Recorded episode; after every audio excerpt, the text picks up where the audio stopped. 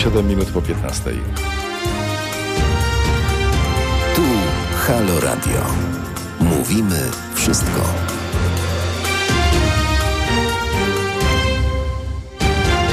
Zaczynamy Halo Aktualności. A w kalendarzu 16 dzień marca w Wielkiej Brytanii niewiele się zmieniło. Premier Boris Johnson jak był rozczochrany, tak jest rozczochrany. Dziś imieniny Antoniego, Gabriela, Izabeli, Patryka, a także Walentego w 1933 roku, akurat 16 marca. Wydłużono czas pracy z 46 do 48 godzin tygodniowo. To piękny prezent na wiosnę i na, i na lata. Akurat potem żniwa, więc wiadomo. W 1534 roku Anglia zerwała ostatecznie stosunki z Kościołem katolickim.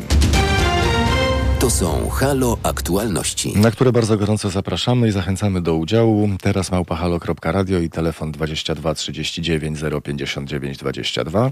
Paweł jest realizatorem, Agnieszka Jóźwik jest wydawczynią. Mariuszeko, skłaniam się już, mówię co do godziny 16.45. Obajtek nie ma nic do ukrycia. Prezes PKN Orlen składa wniosek do CBA. Daniel Obajtek nie ma nic do ukrycia. Prezes y, PKN Orlen z własnej inicjatywy złoży wniosek do CBA o ponowne skontrolowanie swoich oświadczeń majątkowych i sytuacji majątkowej. Tak przekazał pełnomocnik prezesa Orlenu, pan mecenas Maciej Zaborowski. To zobaczymy, jak to mm, będzie wyglądało i jak to będzie wyglądało również z takiej perspektywy PR-owej, wizerunkowej. Kto na tym tak naprawdę najwięcej traci? Czy prezes Obajtek, czy może ugrupowanie polityczne, które cały czas prezesa, jak rozumiem, wspiera? Czy może sama firma traci y, najwięcej? E, jednocześnie debata mm, w Sejmie, cały czas y, pojawiają się kolejne głosy związane z, związane z tą całą sytuacją i te głosy również weźmiemy, weźmiemy pod uwagę. Mamy też rzecz zupełnie niezwykłą wśród y, dzisiejszych tematów. Y, mamy szafy pełne i Pawlacze też, y, byłych esbeków. Profesor Zawistowski dziś powiedział w radiu, gdzieś w Polsce może być ich ponad 100. A to może złamać dokumenty, które mm, znajdują się w tych teczkach, karierę kilku osób. Więc kto gromadzi takie dokumenty, w jaki sposób wszedł w ich posiadanie i do czego ewentualnie takie dokumenty mogą posłużyć. Czy teraz, czy jeszcze trzeba trochę poczekać? Pensje w Polsce mają być jawne. Kontrowersje wokół projektu dyrektywy unijnej. Projekt unijnej dyrektywy daje prawo do informacji o zarobkach współpracowników, a to budzi obawy. Dziś y, mamy 16 dzień marca, więc wczoraj minął termin przedstawienia przez Polskie Związki Zawodowe i Organizacje Pracodawców opinii do unijnej dyrektywy w sprawie wzmocnienia stosowania zasady równości wynagrodzeń dla kobiet i mężczyzn za taką samą pracę lub pracę o takiej samej wartości za pośrednictwem mechanizmów przejrzystości wynagrodzeń oraz mechanizmów egzekwowania. Brzmi w sposób trochę skomplikowany, ale temu też się mm, przyjrzymy, jakie to będzie miało przełożenia na nasze życie codzienne i na naszą pracę. Ale zaczniemy od tego, że wiele państw zawiesza podawanie szczepionki AstraZeneca do czasu wyjaśnienia tak zwanych epizodów zakrzepowo-zatorowych. Co z tą AstraZeneką? Dlaczego tyle krajów wstrzymuje jej podawanie, a Polska akurat e, nie? I o tym porozmawiamy już za chwilę.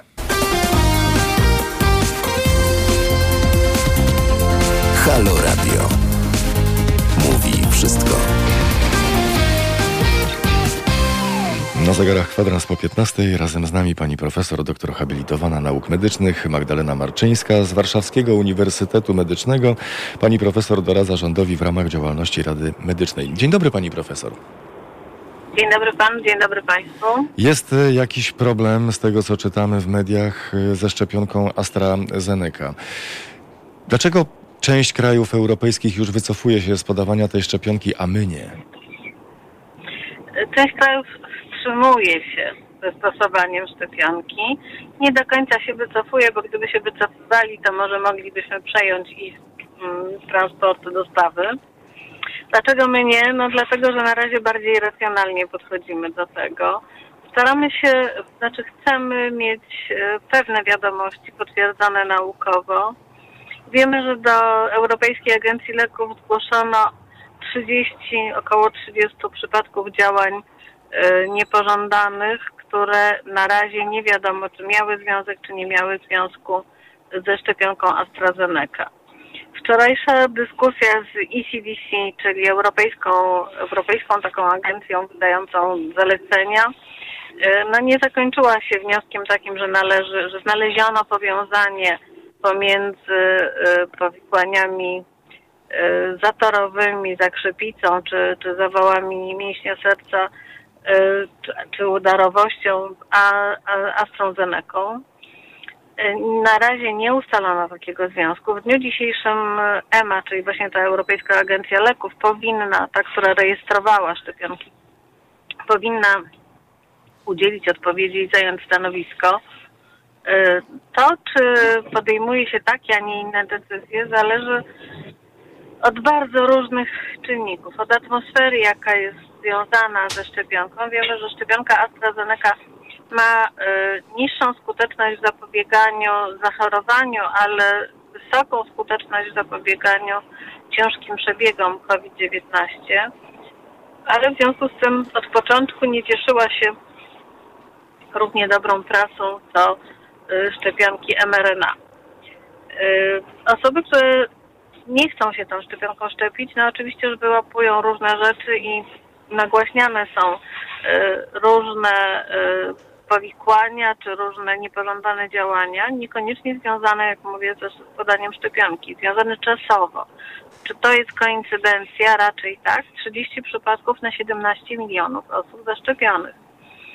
Trudno mi odpowiedzieć oczywiście y, na, na dzień dzisiejszy. Myślę, że EMA zajmie stanowisko i powie co dalej. My na razie, no, opierając się na twardych faktach, no nie mówimy, że to jest, że to ma związek i wydaje się nam, znaczy wiemy na pewno, może nawet tak, że trzeba przede wszystkim chronić ludzi przed ciężkim przebiegiem COVID-19, że chcemy ratować życie.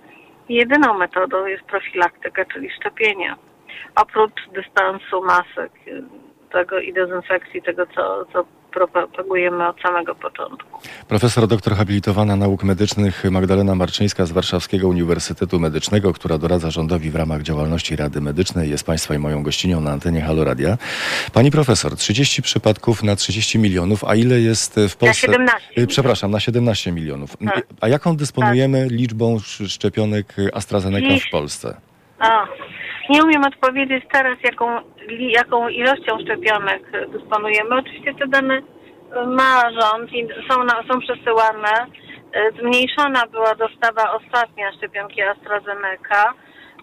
Ile jej będzie nadal, to znaczy na razie jest mniej niż się spodziewaliśmy.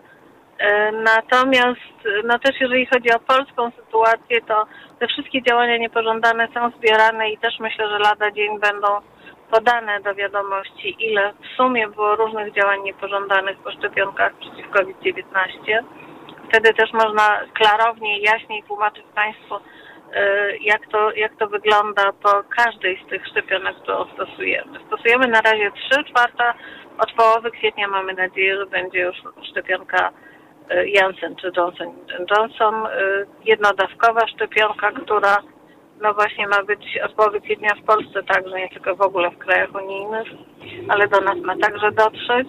Skuteczność porównywalna do, do szczepionki AstraZeneca, czyli yy, no, trzeba się chronić. Każda szczepionka tak naprawdę, jak jestem pytana też o to, yy, czy ktoś się ma zaszczepić Astrą, czy, czy ma się nie szczepić, ktoś z moich bliskich znajomych, no to już odpowiadam, że naprawdę jedyna szczepionka, którą zalecam, to jest ta, która jest dostępna i którą oferują Państwo, oferują to moim znajomym, żeby zaszczepić po to, żeby się chronić przed ciężkim przebiegiem, żeby nie wylądowali w szpitalu i żeby nie było ryzyka śmierci.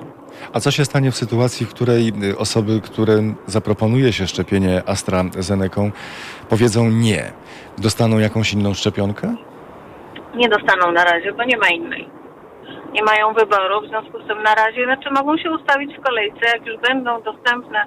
Liczymy na to, że Pfizer i, i Moderna, ale przede wszystkim Pfizer BioNTech, że będzie dostarczał szczepionkę mRNA w znacznie większych ilościach, o tym mówią, ale na razie się to jeszcze nie zrealizowało. W związku z tym no, nie mamy o czym mówić tak y, jasno i, i formalnie. Nie mogę powiedzieć, że lada moment będzie Pfizer, zaczekajcie Państwo, bo na pewno tak nie będzie. Na razie to, co mówię, no to możliwe, że liczymy na to, że będzie Johnson Johnson czy, czy Janssen, dokładnie ta sama szczepionka. Obydwie firmy brały udział w produkcji i że ta szczepionka będzie mniej więcej od połowy kwietnia. Szanowna Pani Profesor, doradza Pani rządowi w ramach działalności Rady Medycznej. Jakie działania rekomenduje Pani na najbliższy czas? Zrobić całkowity lockdown w całej Polsce i żeby święta wielkanocne wszyscy siedzieli w domach i się nie kontaktowali między sobą? Myślę, że przeceniacie Państwo wszyscy rolę Rady Medycznej. Rada Medyczna jest od zaradzania w sprawach medycznych, na pewno nie ekonomicznych.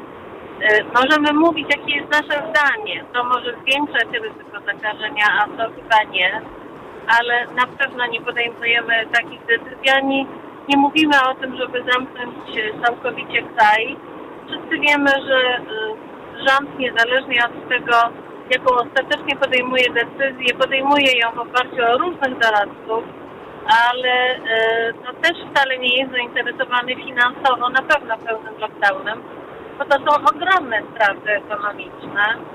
My mówimy o tym, żeby rzeczywiście może w tych, w tych rejonach, w których e, wzrasta cały czas liczba zakażeń, no to tak się dzieje właśnie, że rzeczywiście próbować przecinać te łańcuchy kontaktowe, żeby zmniejszyć liczbę chorób. Warto zwrócić uwagę też moim zdaniem na jeden element. Choć Unia Europejska jest globalnie drugim co do wielkości po Stanach Zjednoczonych producentem szczepionek przeciw COVID, to za sprawą zgody na eksport Unia Europejska zajmuje dopiero 17 miejsce na świecie pod względem tempa akcji szczepień. To bardzo słaby wynik jest. No, niewątpliwie tak. Znaczy, czy wynika to wyłącznie E, z niechęci, znaczy na pewno na początku z niechęci do szczepionek. E, część państw liczyła na to, że będą to wyłącznie ich szczepionki stosowane, tak na przykład we Francji. E, część państw no w ogóle uważała, że różnymi złymi rzeczami należy wiązać szczepienie.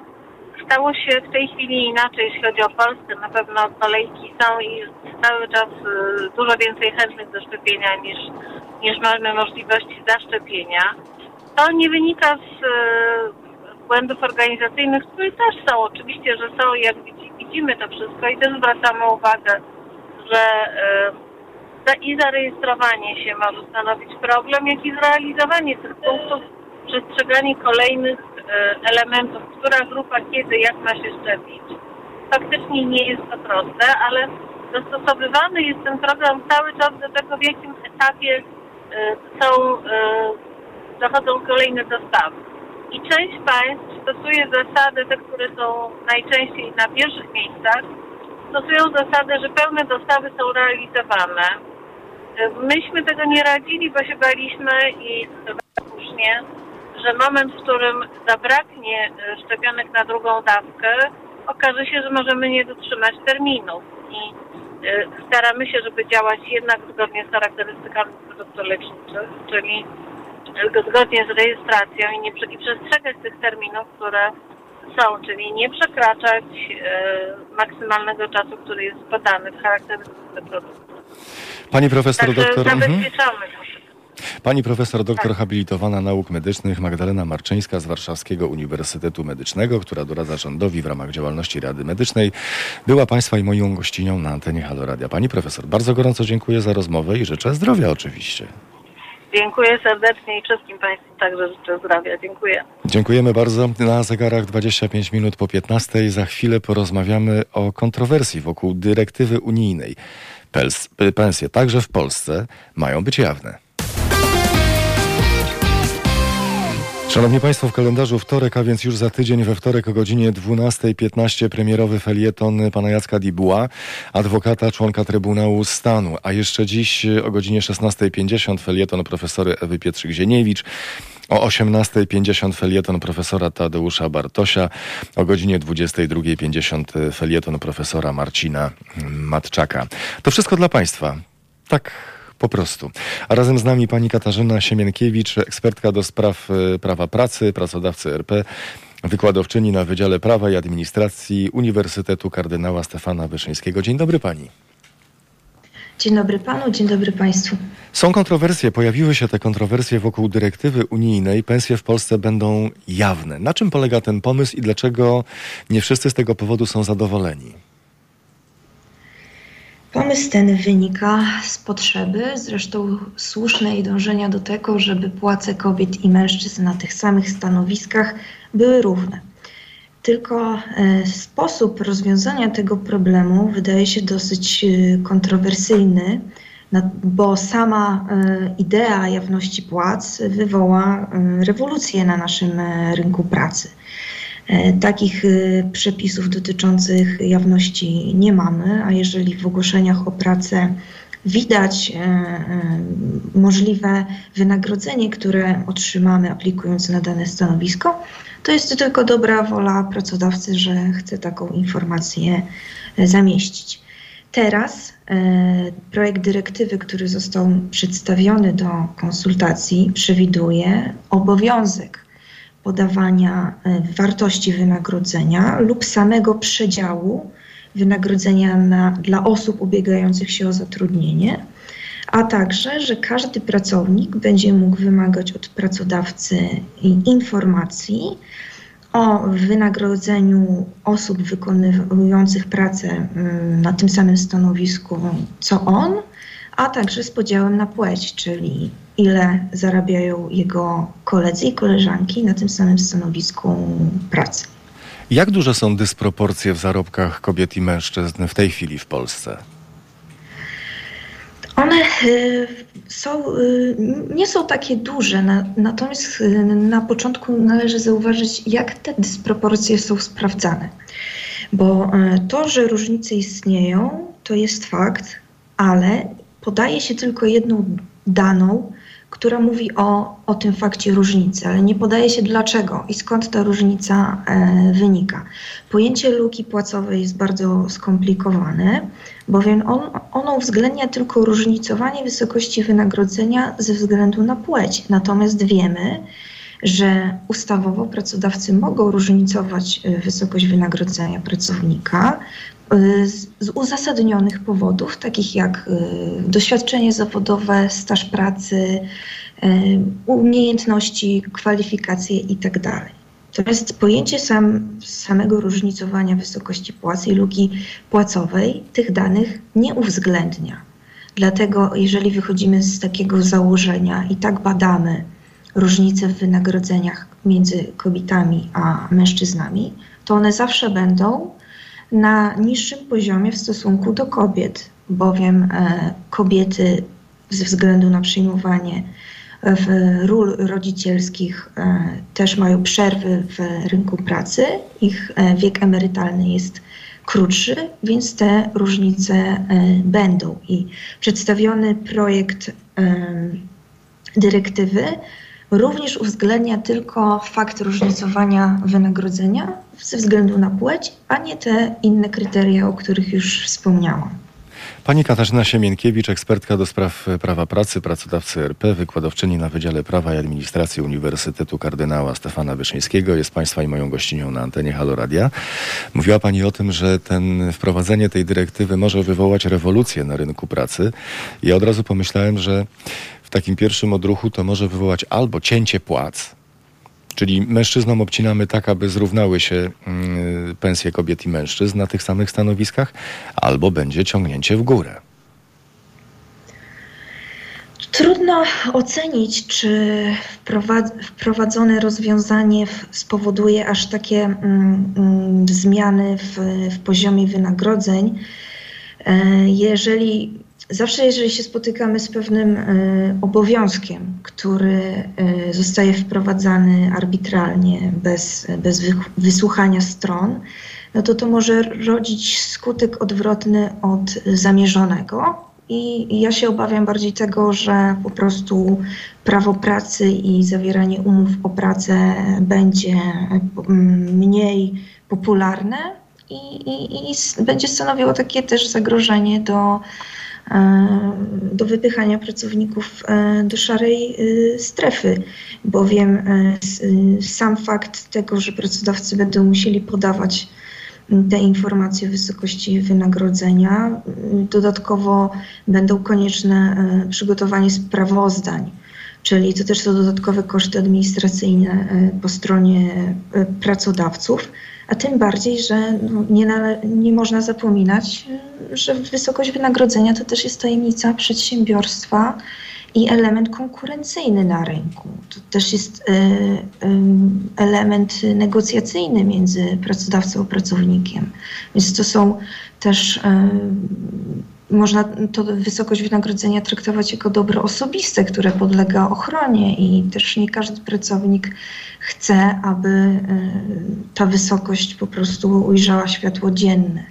I dlatego takie, mm, taką propozycję, ta propozycja ona ma charakter przede wszystkim antydyskryminacyjny, ale ona nie uwzględnia warunków ekonomicznych i gospodarczych prowadzenia działalności e, w Polsce. Więc, e, więc ze względu na i też wychodzi z takiej zasady, e, że stawia pracodawcę od razu w pozycji słabszej, chociażby z tego względu, że jeżeli doszłoby już do procesu o, o stwierdzenie tej dyskryminacji płacowej, to nawet jeżeli pracownik by przegrał taki proces, czyli zostałoby dowiedzione, że pracodawca żadnej dyskryminacji nie stosuje, to i tak y, pracodawca nie będzie mógł się ubiegać o zwrot kosztów takiego procesu, bo zasadą jest to, że strona przygrywająca ponosi koszty, koszty procesu, a tutaj nawet w takich przypadkach y, uzasadnionych pracownik nie będzie tych kosztów ponosił. Czyli to też może prowadzić do sytuacji, kiedy po prostu zaleje nas faza pozwów e, od pracowników, którzy będą y, chcieli stwierdzić, że w zakładzie pracy panuje ta dyskryminacja płacowa. Więc tutaj zaproponowane rozwiązania mogą wprowadzić też wiele y, chaosu i, i wiele y, tak naprawdę problemów po stronie e, pracodawców. A czy przyniesie to realną korzyść pracowników? Pracownikom no jakoś niestety w to wątpię. A jak do tej dyrektywy unijnej, zgodnie z którą pensje także w Polsce mają być e, jawne, mają się przepisy RODO?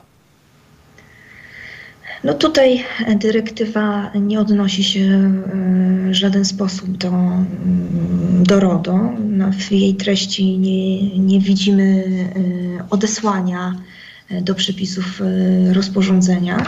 I, I to jest bardzo dobre pytanie, więc te wątpliwości nie są rozwiane na, na gruncie dyrektywy. To jeszcze nam zostaje jeden element, oprócz tych wszystkich elementów, y, które nam pozostaną i o których pewnie będziemy dyskutowali y, dalej, jakby przyglądając się temu, jak rozwija się ten pomysł y, wprowadzenia tej dyrektywy unijnej. Mianowicie, no, nie można przecież pracować w ogóle bez jakiejkolwiek umowy o pracę, więc być może pracodawcy zostaną postawieni w sytuacji, w której będą musieli wymyślić jakąś nową formę umowy o pracę, której do tej pory jeszcze nie stosowali. Rozwiązania na rynku są różne, jak wiemy.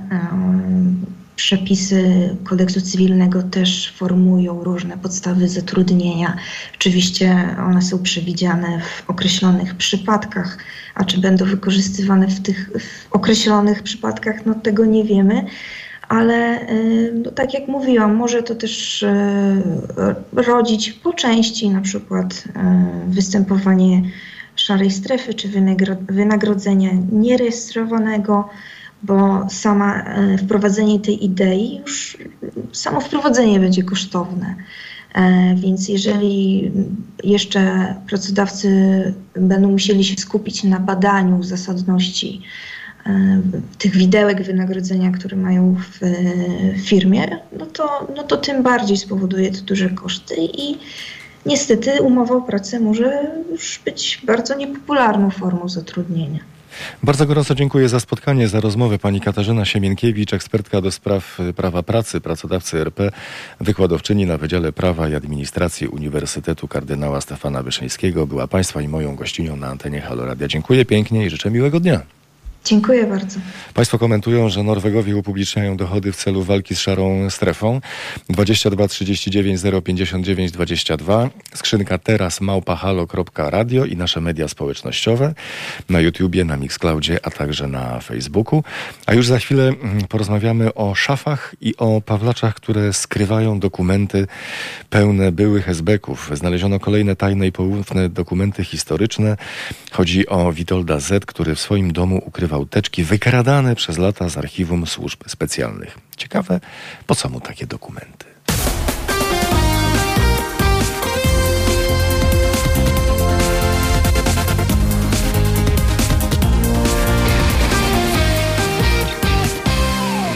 Na zegarach za kwadrans 16 państwo cały czas odnoszą się na naszych mediach społecznościowych do kwestii nierówności płac albo równości płac, w zależności od tego, jak, jak na to spojrzeć. Pan Dariusz pyta, czy jest różnica produktywności. Rozumiem, że jedna osoba wy, wypracowuje większy zysk dla, dla firmy której jest zatrudniona, a inna nie. Dewey dodaje, firma stworzy większą siatkę stanowisk. Pracodawca przyjmie kobietę oraz mężczyznę na takie samo stanowisko i dana osoba będzie awansować coraz wyżej, wyżej, wykonując tę samą pracę, co niedoceniana. Jestem ciekaw, w którym kierunku pójdą teraz y, kolejne wątki w Państwa dyskusji. Teraz małpahalo.radio i telefon 22 39 059 22 i nasze media społecznościowe na Facebooku, na YouTubie, a także na Mixcloudzie. Mówiliśmy o tym, szafy i pawlacze byłych SB-ków. Profesor Zawistowski dziś powiedział w radiu. Gdzieś w Polsce może być ich ponad 100. Mowa o Witoldzie Z, który w swoim domu ukrywał teczki wykradane przez lata z archiwum służb specjalnych. Co było, co było przedmiotem jego zainteresowań, tak to nazwijmy. Zbierał m.in. dokumenty niemieckich agentów z czasów II wojny światowej i mówił to w rano w RMFFM. Podkreślał też, że padają tam konkretne nazwiska oraz biografie tych osób, także z czasu powojennego. A to może być podmiotem i przedmiotem handlu, a także przedmiotem szantażu.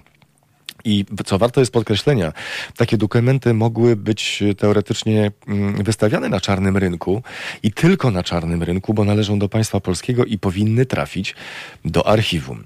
Przepisy prawa jedno, życie drugie. Razem z nami pan profesor, doktor habilitowany Józef Brynkus, historyk, pracownik Katedry Edukacji Historycznej Uniwersytetu Pedagogicznego w Krakowie. Dzień dobry panie profesorze. E, dzień dobry Państwu, dzień dobry Panu. Po co zbierać takie dokumenty na swój własny użytek? No to trzeba byłoby spytać Pana Witolda Zabiegało, bo trzeba, nie trzeba po prostu skrótować jego nazwiska, ponieważ wszyscy wiedzą, że był funkcjonariuszem Służby Bezpieczeństwa, e, bardzo wysoko postawionym, był pułkownikiem. E, był także później pozytywnie, co jest w tym przypadku jakoś normą, ale też powiedzmy i frustrujące, ale też skandaliczne.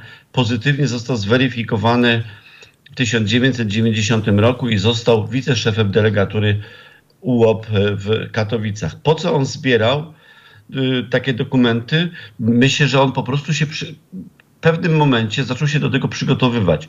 Chciałbym tu zwrócić uwagę Państwu na to, że w drugiej połowie lat 80. Służba Bezpieczeństwa rozpoczęła proces digitalizacji archiwów, stąd też uznała, że jeżeli po prostu jest jakiś dokument, który należy e, sfotografować, e, zdigitalizować, to po prostu ten dokument mógł być e, niszczony, ponieważ zdjęcie było równoważne dokumentowi. Więc SBC prawdopodobnie, mając świadomość użyteczności tego typu dokumentów, gromadzili. No i to jest, e, e, a przyczyna, no, mieli świadomość, że to są materiały bardzo obciążające.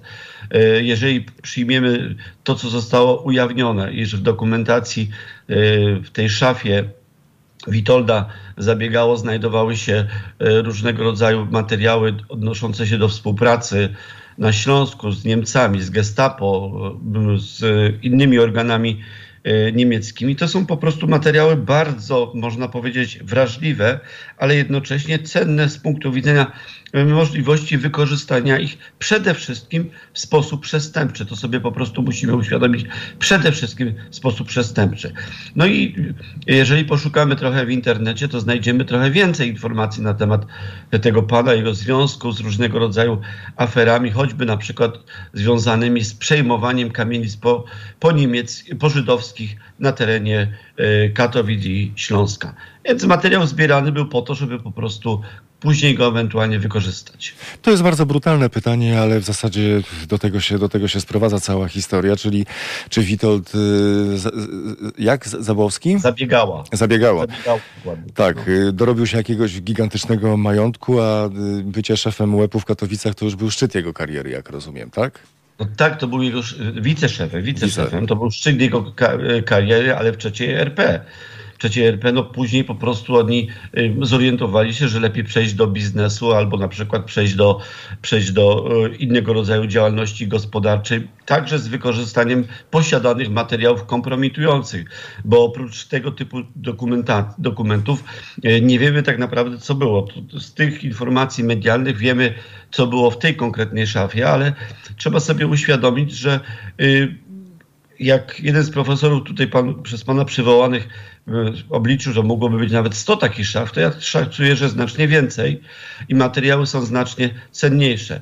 Tu chciałbym przedstawić Państwu sytuację y, z Bielsko-Bialskiej, z Bielsko-Bialskiej Esbecji. W 1990 roku ówczesny szef Służby Bezpieczeństwa potwierdził zniszczenie, potwierdził zniszczenie około 19 tysięcy zdjęć.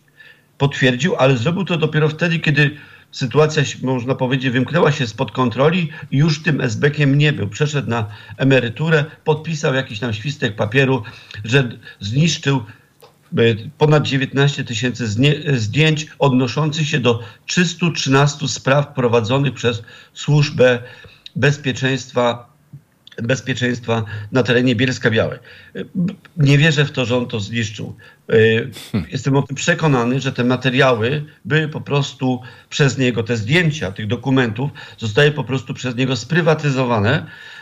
Jeżeli przyjmiemy, że to było w formie tak zwanych jacketów, to wielkość, ilość, objętość tych materiałów to są dwa, trzy pudełka po po butach średniej zresztą wielkości, a wartość tego jest przeogromna, bo tam były dokumenty, dokumenty dotyczące różnego rodzaju na przykład spraw obyczajowych, bardzo wrażliwe, no, bardzo wrażliwej treści. Więc spokojnie można było to i myślę, że on po prostu tu, y, to zrobił, on przejął. A Służba Bezpieczeństwa Bielsku Białej, co prawda wojewódzka, jak na ówczesne czasy, była po prostu takim niewielkim organem na całą Polskę. Pamiętajmy również, że aparat represji Polski Ludowej obejmował znacznie więcej e, organów represji czy opresji w stosunku do społeczeństwa polskiego. Przecież to były wojskowe służby wewnętrz, wewnętrzne, to, była, to był wywiad, kontrwywiad, także służba graniczna, także po prostu ilość, szef, e, ilość tych szaf jest podejrzewam przeogromna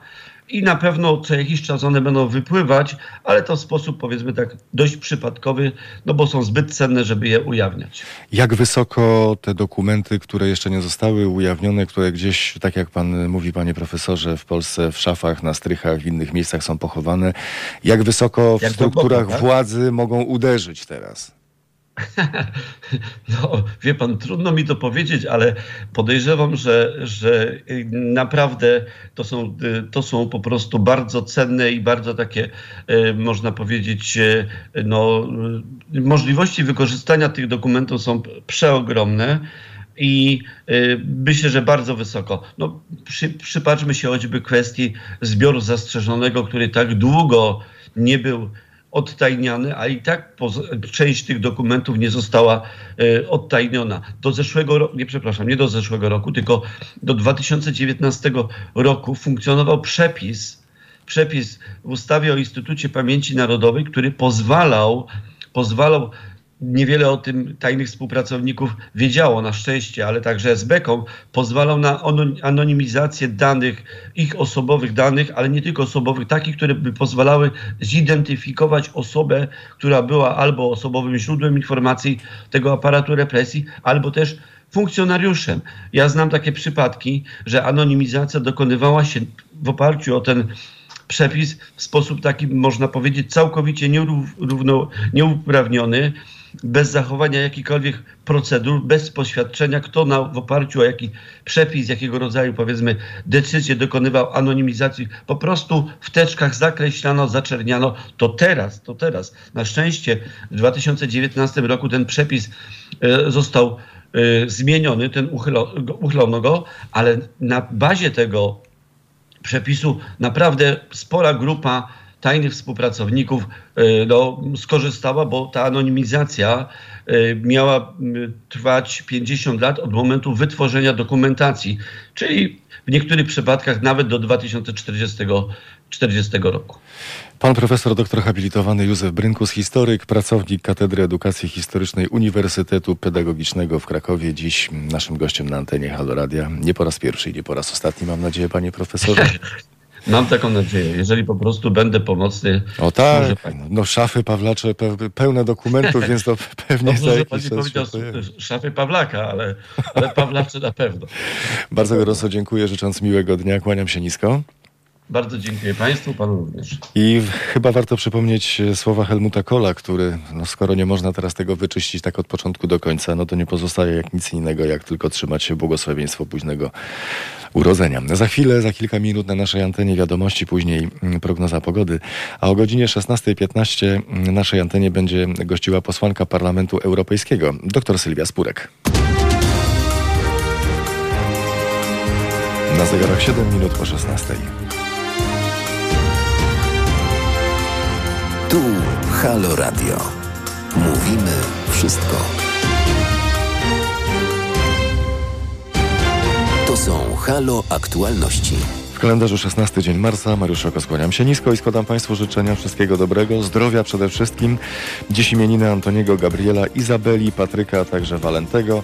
W 1958 roku wyprodukowano 50-milionowy samochód marki Ford a w 1966 roku po 22 dniach spędzonych w kosmosie powróciły na Ziemię dwa radzieckie psy Ugoliak i Weterak. Słuchacie Halo Aktualności. A razem z nami sędzia Igor Tuleja. Witam serdecznie, szanowny panie sędzio. Dzień dobry. Jak samopoczucie? Doskonale, jak zawsze. Czyli ne nie, nerwów nie ma? Nerwów nie ma, nie dzieje się nic takiego, czego nie można było przewidzieć, ani czego bym się nie spodziewał. Wiemy już, kto chce siłowego doprowadzenia y, sędziego Igora Tulei. To prokurator, który za Prawa i Sprawiedliwości błyskawicznie awansował. Wniosek został podpisany przez y, Czesława Stanisławczyka, który prokuratorem jest od niedawna i to właśnie zapis y, zrobił, zrobił karierę. Prokuratura Krajowa złożyła do nielegalnej Izby Dyscyplinarnej wniosek o zatrzymanie i siłowe doprowadzenie sędziego Igora Tulei. Jak widzimy, szanowny pan sędzia nadal cieszy się wolnością. E, tak, aczkolwiek mm, staram się spać czujnie, żeby być przygotowanym e, na to, gdyby mm, przyszli po mnie, ale jestem gotowy i cieszę się wolnością. Szanowny panie sędzio, jakby to ewentualnie miało wyglądać? Pukanie do drzwi, wyważenie drzwi, yy, skuć pana w kajdanki, wyprowadzić, wsadzić do samochodu, postawić, a jakoś trudno to sobie wyobrazić wszystko. Mm, trudno to sobie wyobrazić, ale prawdopodobnie tak to właśnie będzie wyglądało. Pewnie banalne zatrzymanie, e, kajdanki, doprowadzenie na czynność, w której oczywiście nie będę brał udziału, nie będę składał wyjaśnień, ponieważ ta czynność jest nielegalna. No i tyle. Taki kraj. Ale to znaczy, że y, szanowny pan sędzia będzie stał skuty, skuty w kajdanki i po prostu milczał w czasie tej całej czynności? E, będę milczał. E, uprzedzę osobę, która będzie przeprowadzała tę czynność, że czynność jest nielegalna, ponieważ e, nie uchylono mi immunitetu. Nie mogła tego zrobić tak zwana Izba Dyscyplinarna, która nie jest sądem. A następnie będę milczał. Czy Mm, bo to jest pytanie też od, y, od słuchacza, od pana Dariusza. Panie sędzio, czy pana immunitet pozwala panu powstrzymać przymusowe doprowadzenie?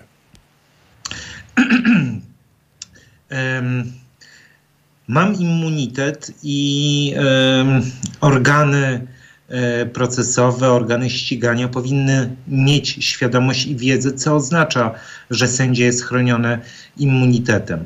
E, no, działania prokuratury wskazują na to, że e, prokuratura za nic ma taką tarczę ochronną sędziego.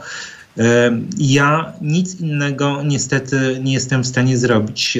Muszę działać w granicach prawa, przynajmniej ja muszę przestrzegać tego prawa. Więc Mogę tylko poinformować prokuratora, że działa nielegalnie. Natomiast y, oczywiście nie mogę się ani szarpać z policjantami, ani szczerze i od serca powiedzieć prokuratorowi, y, co o nim myślę. A czy przysługuje panu w takiej sytuacji na przykład wykonanie telefonu do swojego obrońcy, który, który będzie pana reprezentował, albo żeby był obecny w czasie tej całej sytuacji?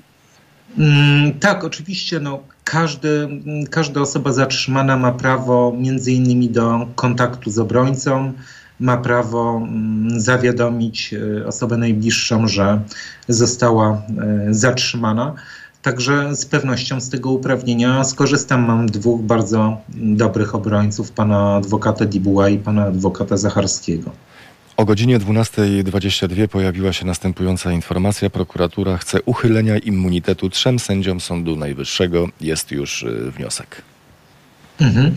E, mam nadzieję, że, że moja osoba nie rozpoczyna jakiejś czarnej e, serii. E, jednym z sędziów, których dotyczy ten komunikat, jest pan profesor, pan sędzia Wróbel, autorytet dla wszystkich prawników i też mam nadzieję, że obywatele pamiętają E, i uchwałę e, trzech izb Sądu Najwyższego i następnie zgromadzenie w Sądzie Najwyższym, gdzie pan sędzia Wrubel był bardzo aktywny i odgrywał e, bardzo ważną proobywatelską mm, rolę i przedstawił taką postawę no, bardzo prawo, praworządną. Podejrzewam, że próba uchylenia immunitetu pana sędziego mm, Wróbla nie jest jakimś przypadkiem, niestety. Cały czas y, patrzymy na to, jak y, rozwijają się coraz to nowe i kolejne, kolejne scenariusze. Mamy nadzieję, że dzisiejsze popołudnie, wieczór, a także noc i jutrzejszy poranek będą spokojne również dla Pana, szanowny Panie sędzia. Na pewno będę słuchał Halo Radio, więc jestem przekonany, że e, to będzie spokojne popołudnie, spokojny wieczór. Bardzo gorąco dziękujemy. Igor Tuleja, sędzia razem z nami dziś na antenie Halo Radia. Wszystkiego dobrego, szanowny panie sędzio. Dziękuję za zaproszenie. Do widzenia. Na zegarach 12 minut po 16. Już za chwilę razem z nami posłanka Parlamentu Europejskiego, pani dr Sylwia Spurek.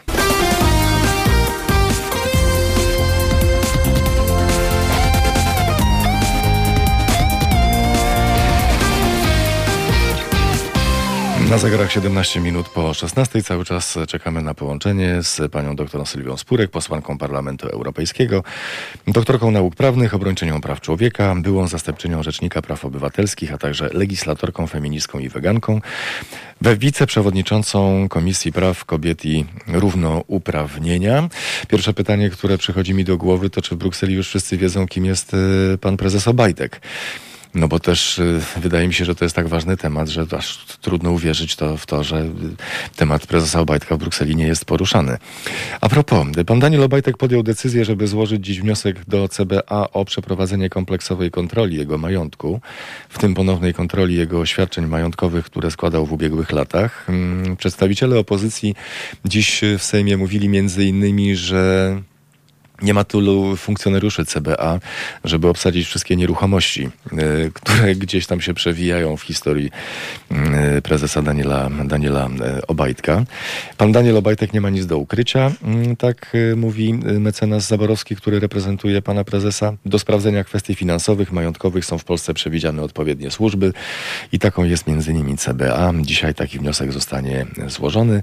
Opozycja nie odpuszcza. W czasie debaty chcieli wykluczenia wszystkich tych Y, osób, które w jakikolwiek sposób wiążą się poprzez również różnego rodzaju koligacje rodzinne z interesami y, Daniela Obajtka.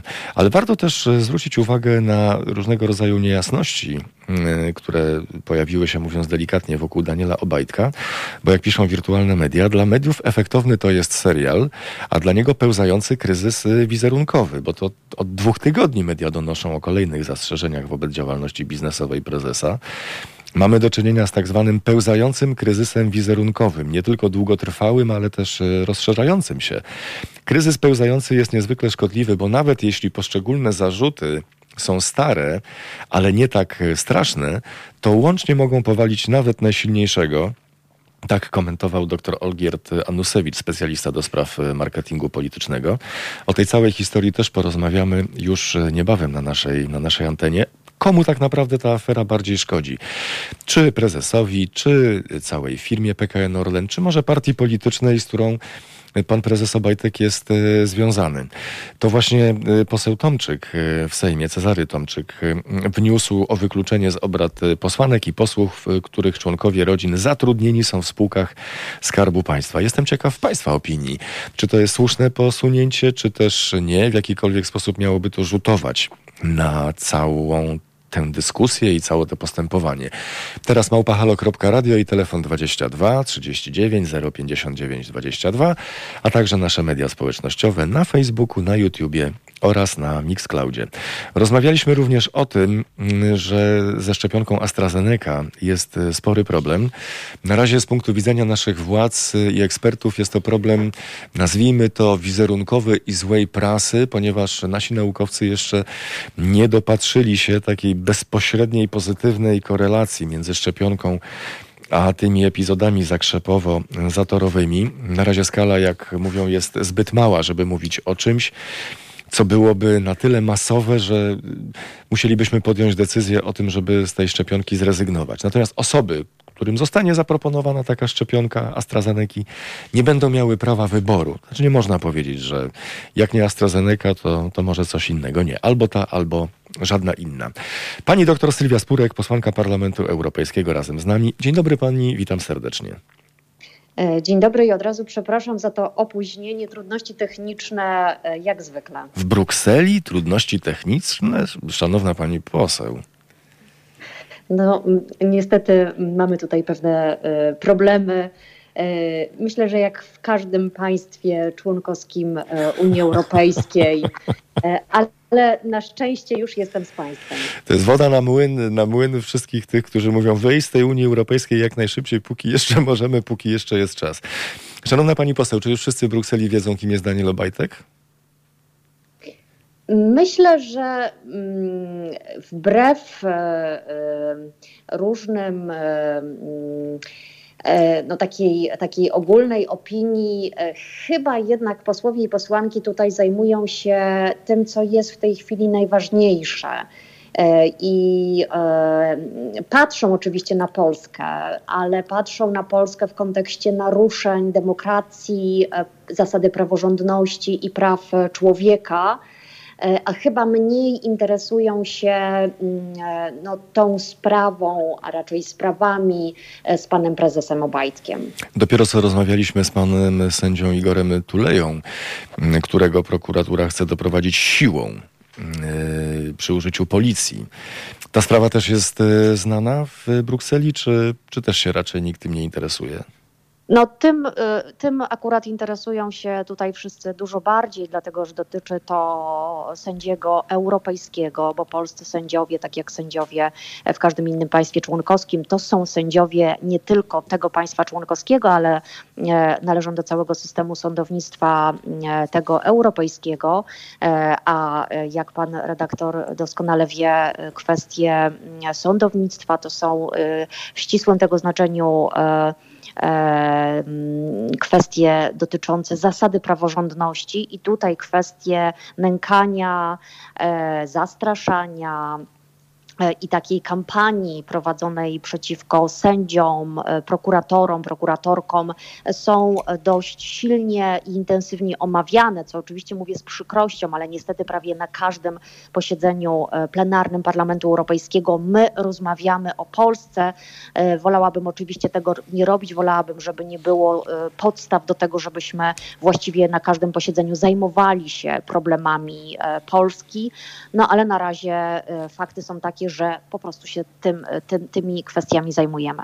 Przechodzimy być może teraz do tematów, które są bardzo bliskie Pani sercu. Y, komisja Praw Kobiet i Równouprawnienia jest Pani wiceprzewodniczącą tej komisji. No i mamy projekt Ordo Juris, który będzie procedowany w Sejmie, a którego konsekwencją, jeżeli zostanie przyjęty, może być wypowiedzenie konwencji stambulskiej. Ja pewnie, podobnie jak wiele osób, które od lat zajmują się kwestią praw kobiet i przeciwdziałania przemocy wobec kobiet, trochę zazdroszczę Ordo Juris skuteczności. Ja pamiętam, kiedy w 2014 roku przygotowywaliśmy proces ratyfikacyjny konwencji stambulskiej i to wówczas Ordo Juris wprowadziło do debaty publicznej pojęcie ideologii gender. Jak się okazuje, i to widać bardzo mocno dzisiaj, E, to pojęcie się zakorzeniło, Ordo Juris bardzo skutecznie zadziałało i w tym momencie zamiast rozmawiać o tym, jak przeciwdziałać, jak zapobiegać, jak zwalczać przemoc wobec kobiet, szczególnie tę przemoc domową, my rozmawiamy o tym, o czym jest e, de facto e, konwencja stambulska i o jakiej ideologii ona mówi i dlaczego ją trzeba wypowiedzieć.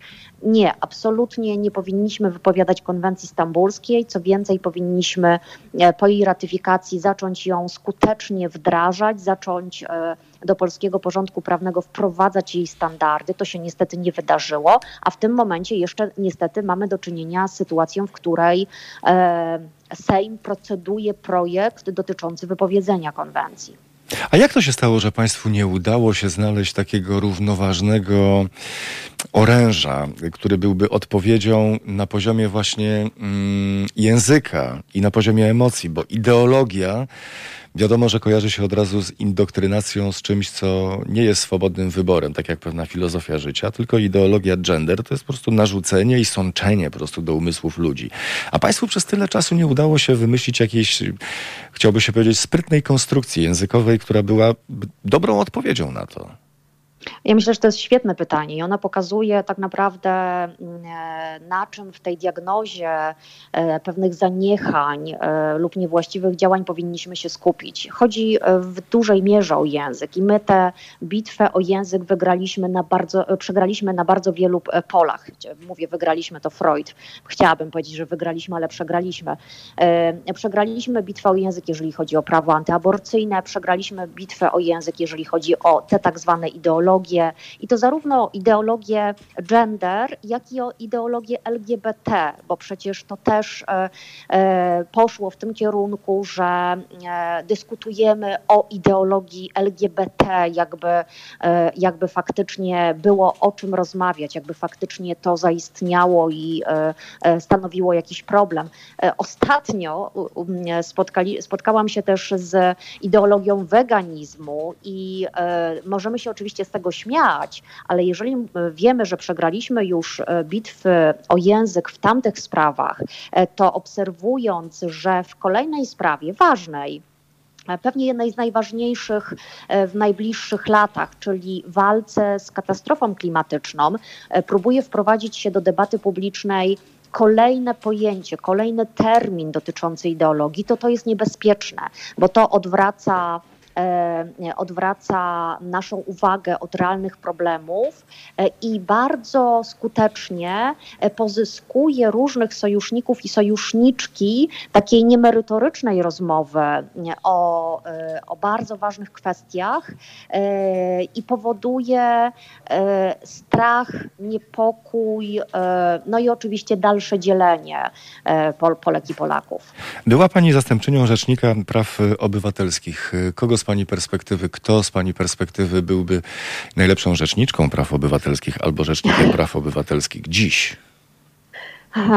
Ja bardzo mocno zastanawiałam się, jak, e, jak w tej sytuacji e, powinniśmy w ogóle rozmawiać o wyborze rzecznika lub rzeczniczki e, praw obywatelskich. Bardzo mocno kibicowałam mecenas Zuzannie Rudzińskiej-Bluszcz, z którą, z którą miałam też przyjemność i honor pracować w Biurze Rzecznika Praw Obywatelskich. To jest świetna adwokatka, która tymi mechanizmami prawnymi, narzędziami, dostępnymi w naszym systemie e, potrafi zawalczyć e, społecznie o prawa człowieka.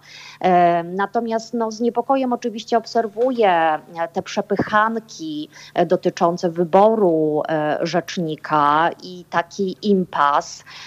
Na szczęście nadal na stanowisku pozostaje e, profesor Adam Bodnar. E, myślę, że jego kadencję należy oceniać z pewnymi zastrzeżeniami, pewnie bardzo dobrze, bardzo pozytywnie. Natomiast faktycznie stoimy przed sytuacją, w której Rzecznik Praw Obywatelskich po upływie swojej kadencji zajmuje stanowisko do czasu powołania kolejnego rzecznika już dość długo długo, a nie widać końca tej procedury. Co więcej, pojawiają się w tym rankingu nazwisk e, coraz to bardziej no, budzące wątpliwości e, osoby. No bo państwo nie mogą, no bo państwo nie mogą się dogadać w kwestii jednego kandydata. Mówię o jako, jako opozycji. Wskazać po prostu osobę, co do której nie ma najmniejszych wątpliwości, że jest to osoba obdarzona niezwykłym autorytetem. No, bardzo żałuję, że opozycja nie może się tutaj e, dogadać, nie może e, wybrać osoby, która, e, która no, w jej ocenie posiadała e, kompetencje, wiedzę, spełniała wszystkie wymagania ustawowe i konstytucyjne na Urząd Rzecznika Praw Obywatelskich. Taką kandydatką była mecenas e, Rudzińska-Bluszcz, ale tu też widzimy, mimo tego dogadania się ze strony opozycji, ta kandydatura była wielokrotnie blokowana, no i mieliśmy do czynienia z bardzo smutnym przedstawieniem E, e, gorzkim, e, jeżeli chodzi o całe postępowanie w zakresie, w zakresie wyboru pani mecenas na Rzeczniczkę Praw Obywatelskich. Więc pytanie, co jeśli opozycja dogada się znowu i czy znowu to nie zostanie, e, nie zostanie zablokowane. Oczywiście ja e, bardzo negatywnie oceniam e, w tym momencie pana posła Wróblewskiego, jeżeli chodzi o jego kandydowanie na Rzecznika Praw Obywatelskich. Natomiast, natomiast faktycznie potrzebujemy tutaj no właśnie nie wiem, tak naprawdę to nie wiem czego, nie wiem co by się musiało wydarzyć, bo Cud. na razie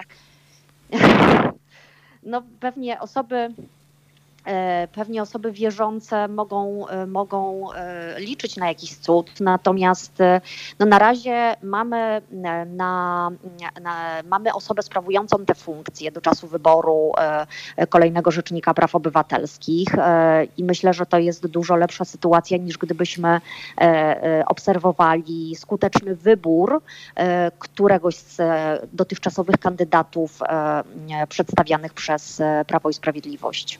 To dla osób, które y, są niewierzące, niech nastąpi nadzwyczajna koincydencja zdarzeń. Dziś razem z nami pani doktor Sylwia Spurek, europosłanka Parlamentu Europejskiego.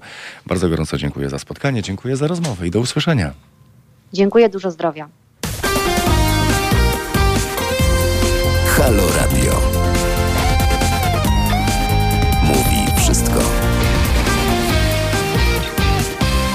Bardzo gorąco Państwu dziękujemy za to, że Państwo dokładają swoją finansową cegiełkę do misji Haloradia. Panu Tomaszowi z Rzeszowa dziękujemy, pani Zenonie z Włocławka, pani Izabeli z Krzeszyc, panu Adamowi z Łodzi, panu Jackowi z Lublina, panu Józefowi z Łoszczowy, panu Pawłowi z Gdańska, panu Hubertowi z Obornik koło Poznania i panu Bogdanowi z Gliwic. Dziękujemy serdecznie. Proszę pamiętajcie o nas na zrzutka.pl ukośnik y, Halo Radio. Powoli zbliżamy się do końca Halo Aktualności, ale jest jeszcze jeden bardzo ważny temat. Zostawiłem go na deser. Razem z nami pani Barbara Krzysztofczyk, ekspertka do spraw wizerunku i PR-u, szefowa agencji Crystal Point. Dzień dobry pani Barbaro. Dzień dobry, bardzo mi miło. Kto ponosi w tej chwili największe straty wizerunkowe w związku z tym wszystkim, co dzieje się wokół y, prezesa Daniela Obajtka?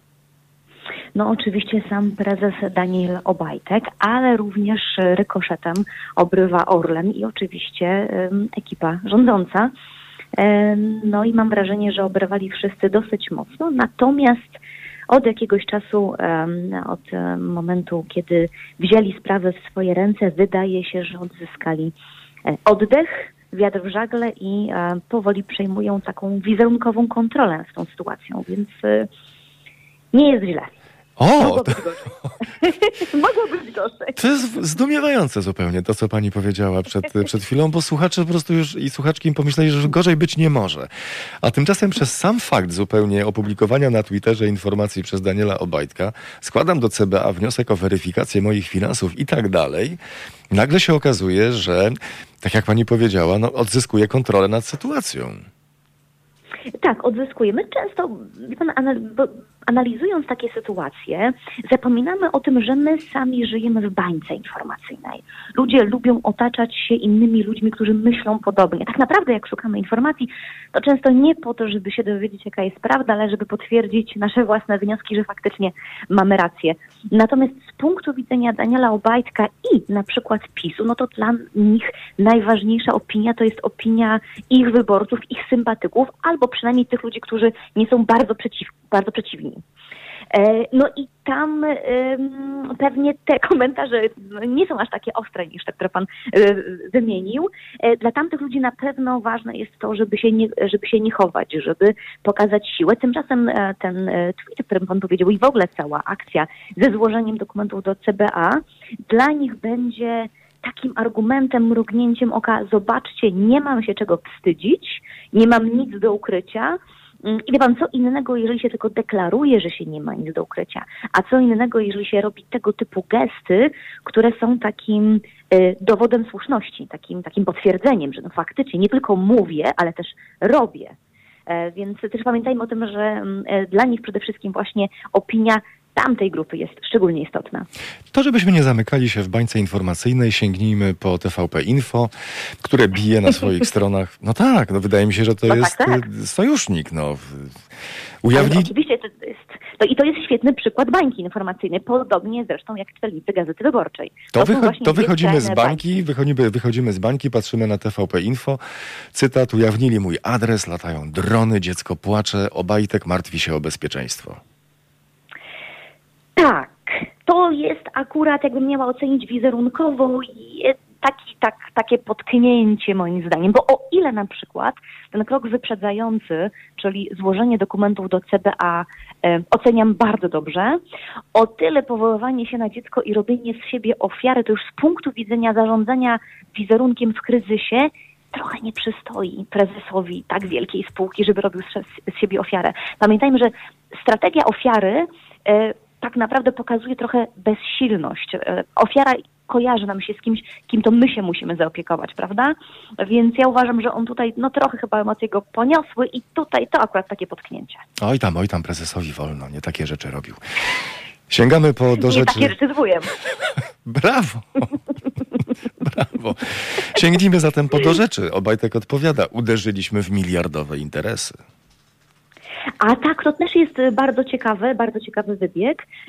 Ja mówię często na e, szkoleniach, że aczkolwiek w innym kontekście, żeby było jasne, bo na szczęście tego typu, e, tego typu działań nie, nie, nie, nie miałam nieprzyjemności prowadzić, ale mówię tym, że często kiedy atakują nas w jednej sytuacji, warto jest znaleźć inne pola trochę przekierować ten, e, tą komunikację na inne obszary. I on to właśnie robi. No bo wiadomo, że głównie chodzi o kwestie polityczne. On tak naprawdę jest pionkiem. Chodzi o to, żeby uderzyć w sam PiS, a że, że tak powiem, e, akurat się znalazła okazja, no to, że tak powiem, Platforma byłaby głupia, cztery dziennikarze, gdyby tej okazji nie wykorzystali. Tymczasem on próbuje odwrócić kota ogonem i sprzedawać w różnych mediach taką wersję, że to generalnie chodzi o to, że jaki, jacyś biznesmeni tutaj coś tam hachmęcą, mielą wodę, prawda? I, a w ogóle to chodzi o to, żeby e, jakieś kłody pod nogi mu e, postawić, jeżeli chodzi o to połączenie z Lotosem. Więc, więc to, to jest takie przekierowanie kompletnie linii komunikacyjnej, ale znowu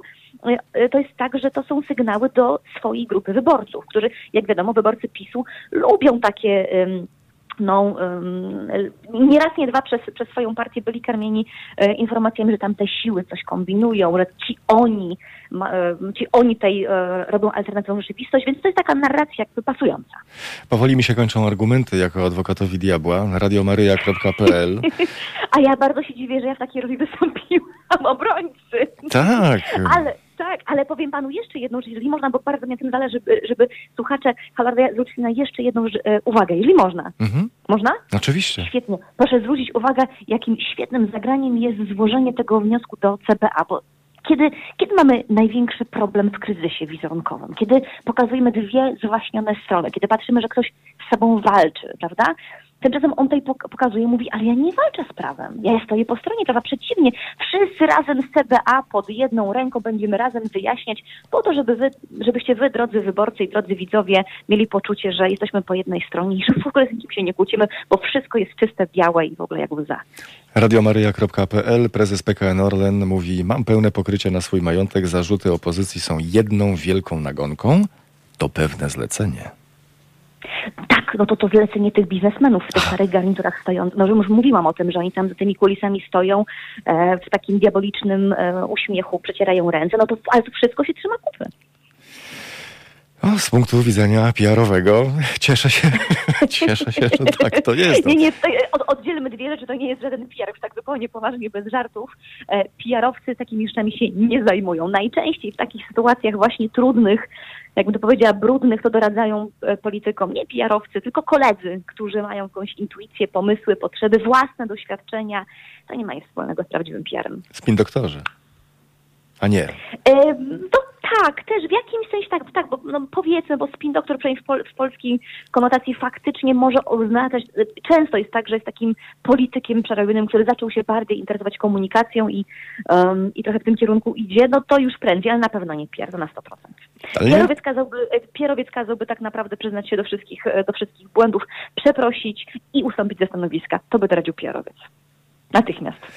Na szczęście prezes Orlenu ma wsparcie w rodzinie, więc y, o to nie musimy się martwić. Tak. I Zadbał tej o to. biologicznej, i tej politycznej. Tak. Pani Barbara Krzysztofczyk, ekspertka do spraw wizerunku i PR, szefowa agencji Crystal Point, dziś razem z nami. Bardzo gorąco dziękuję za rozmowę i za spotkanie.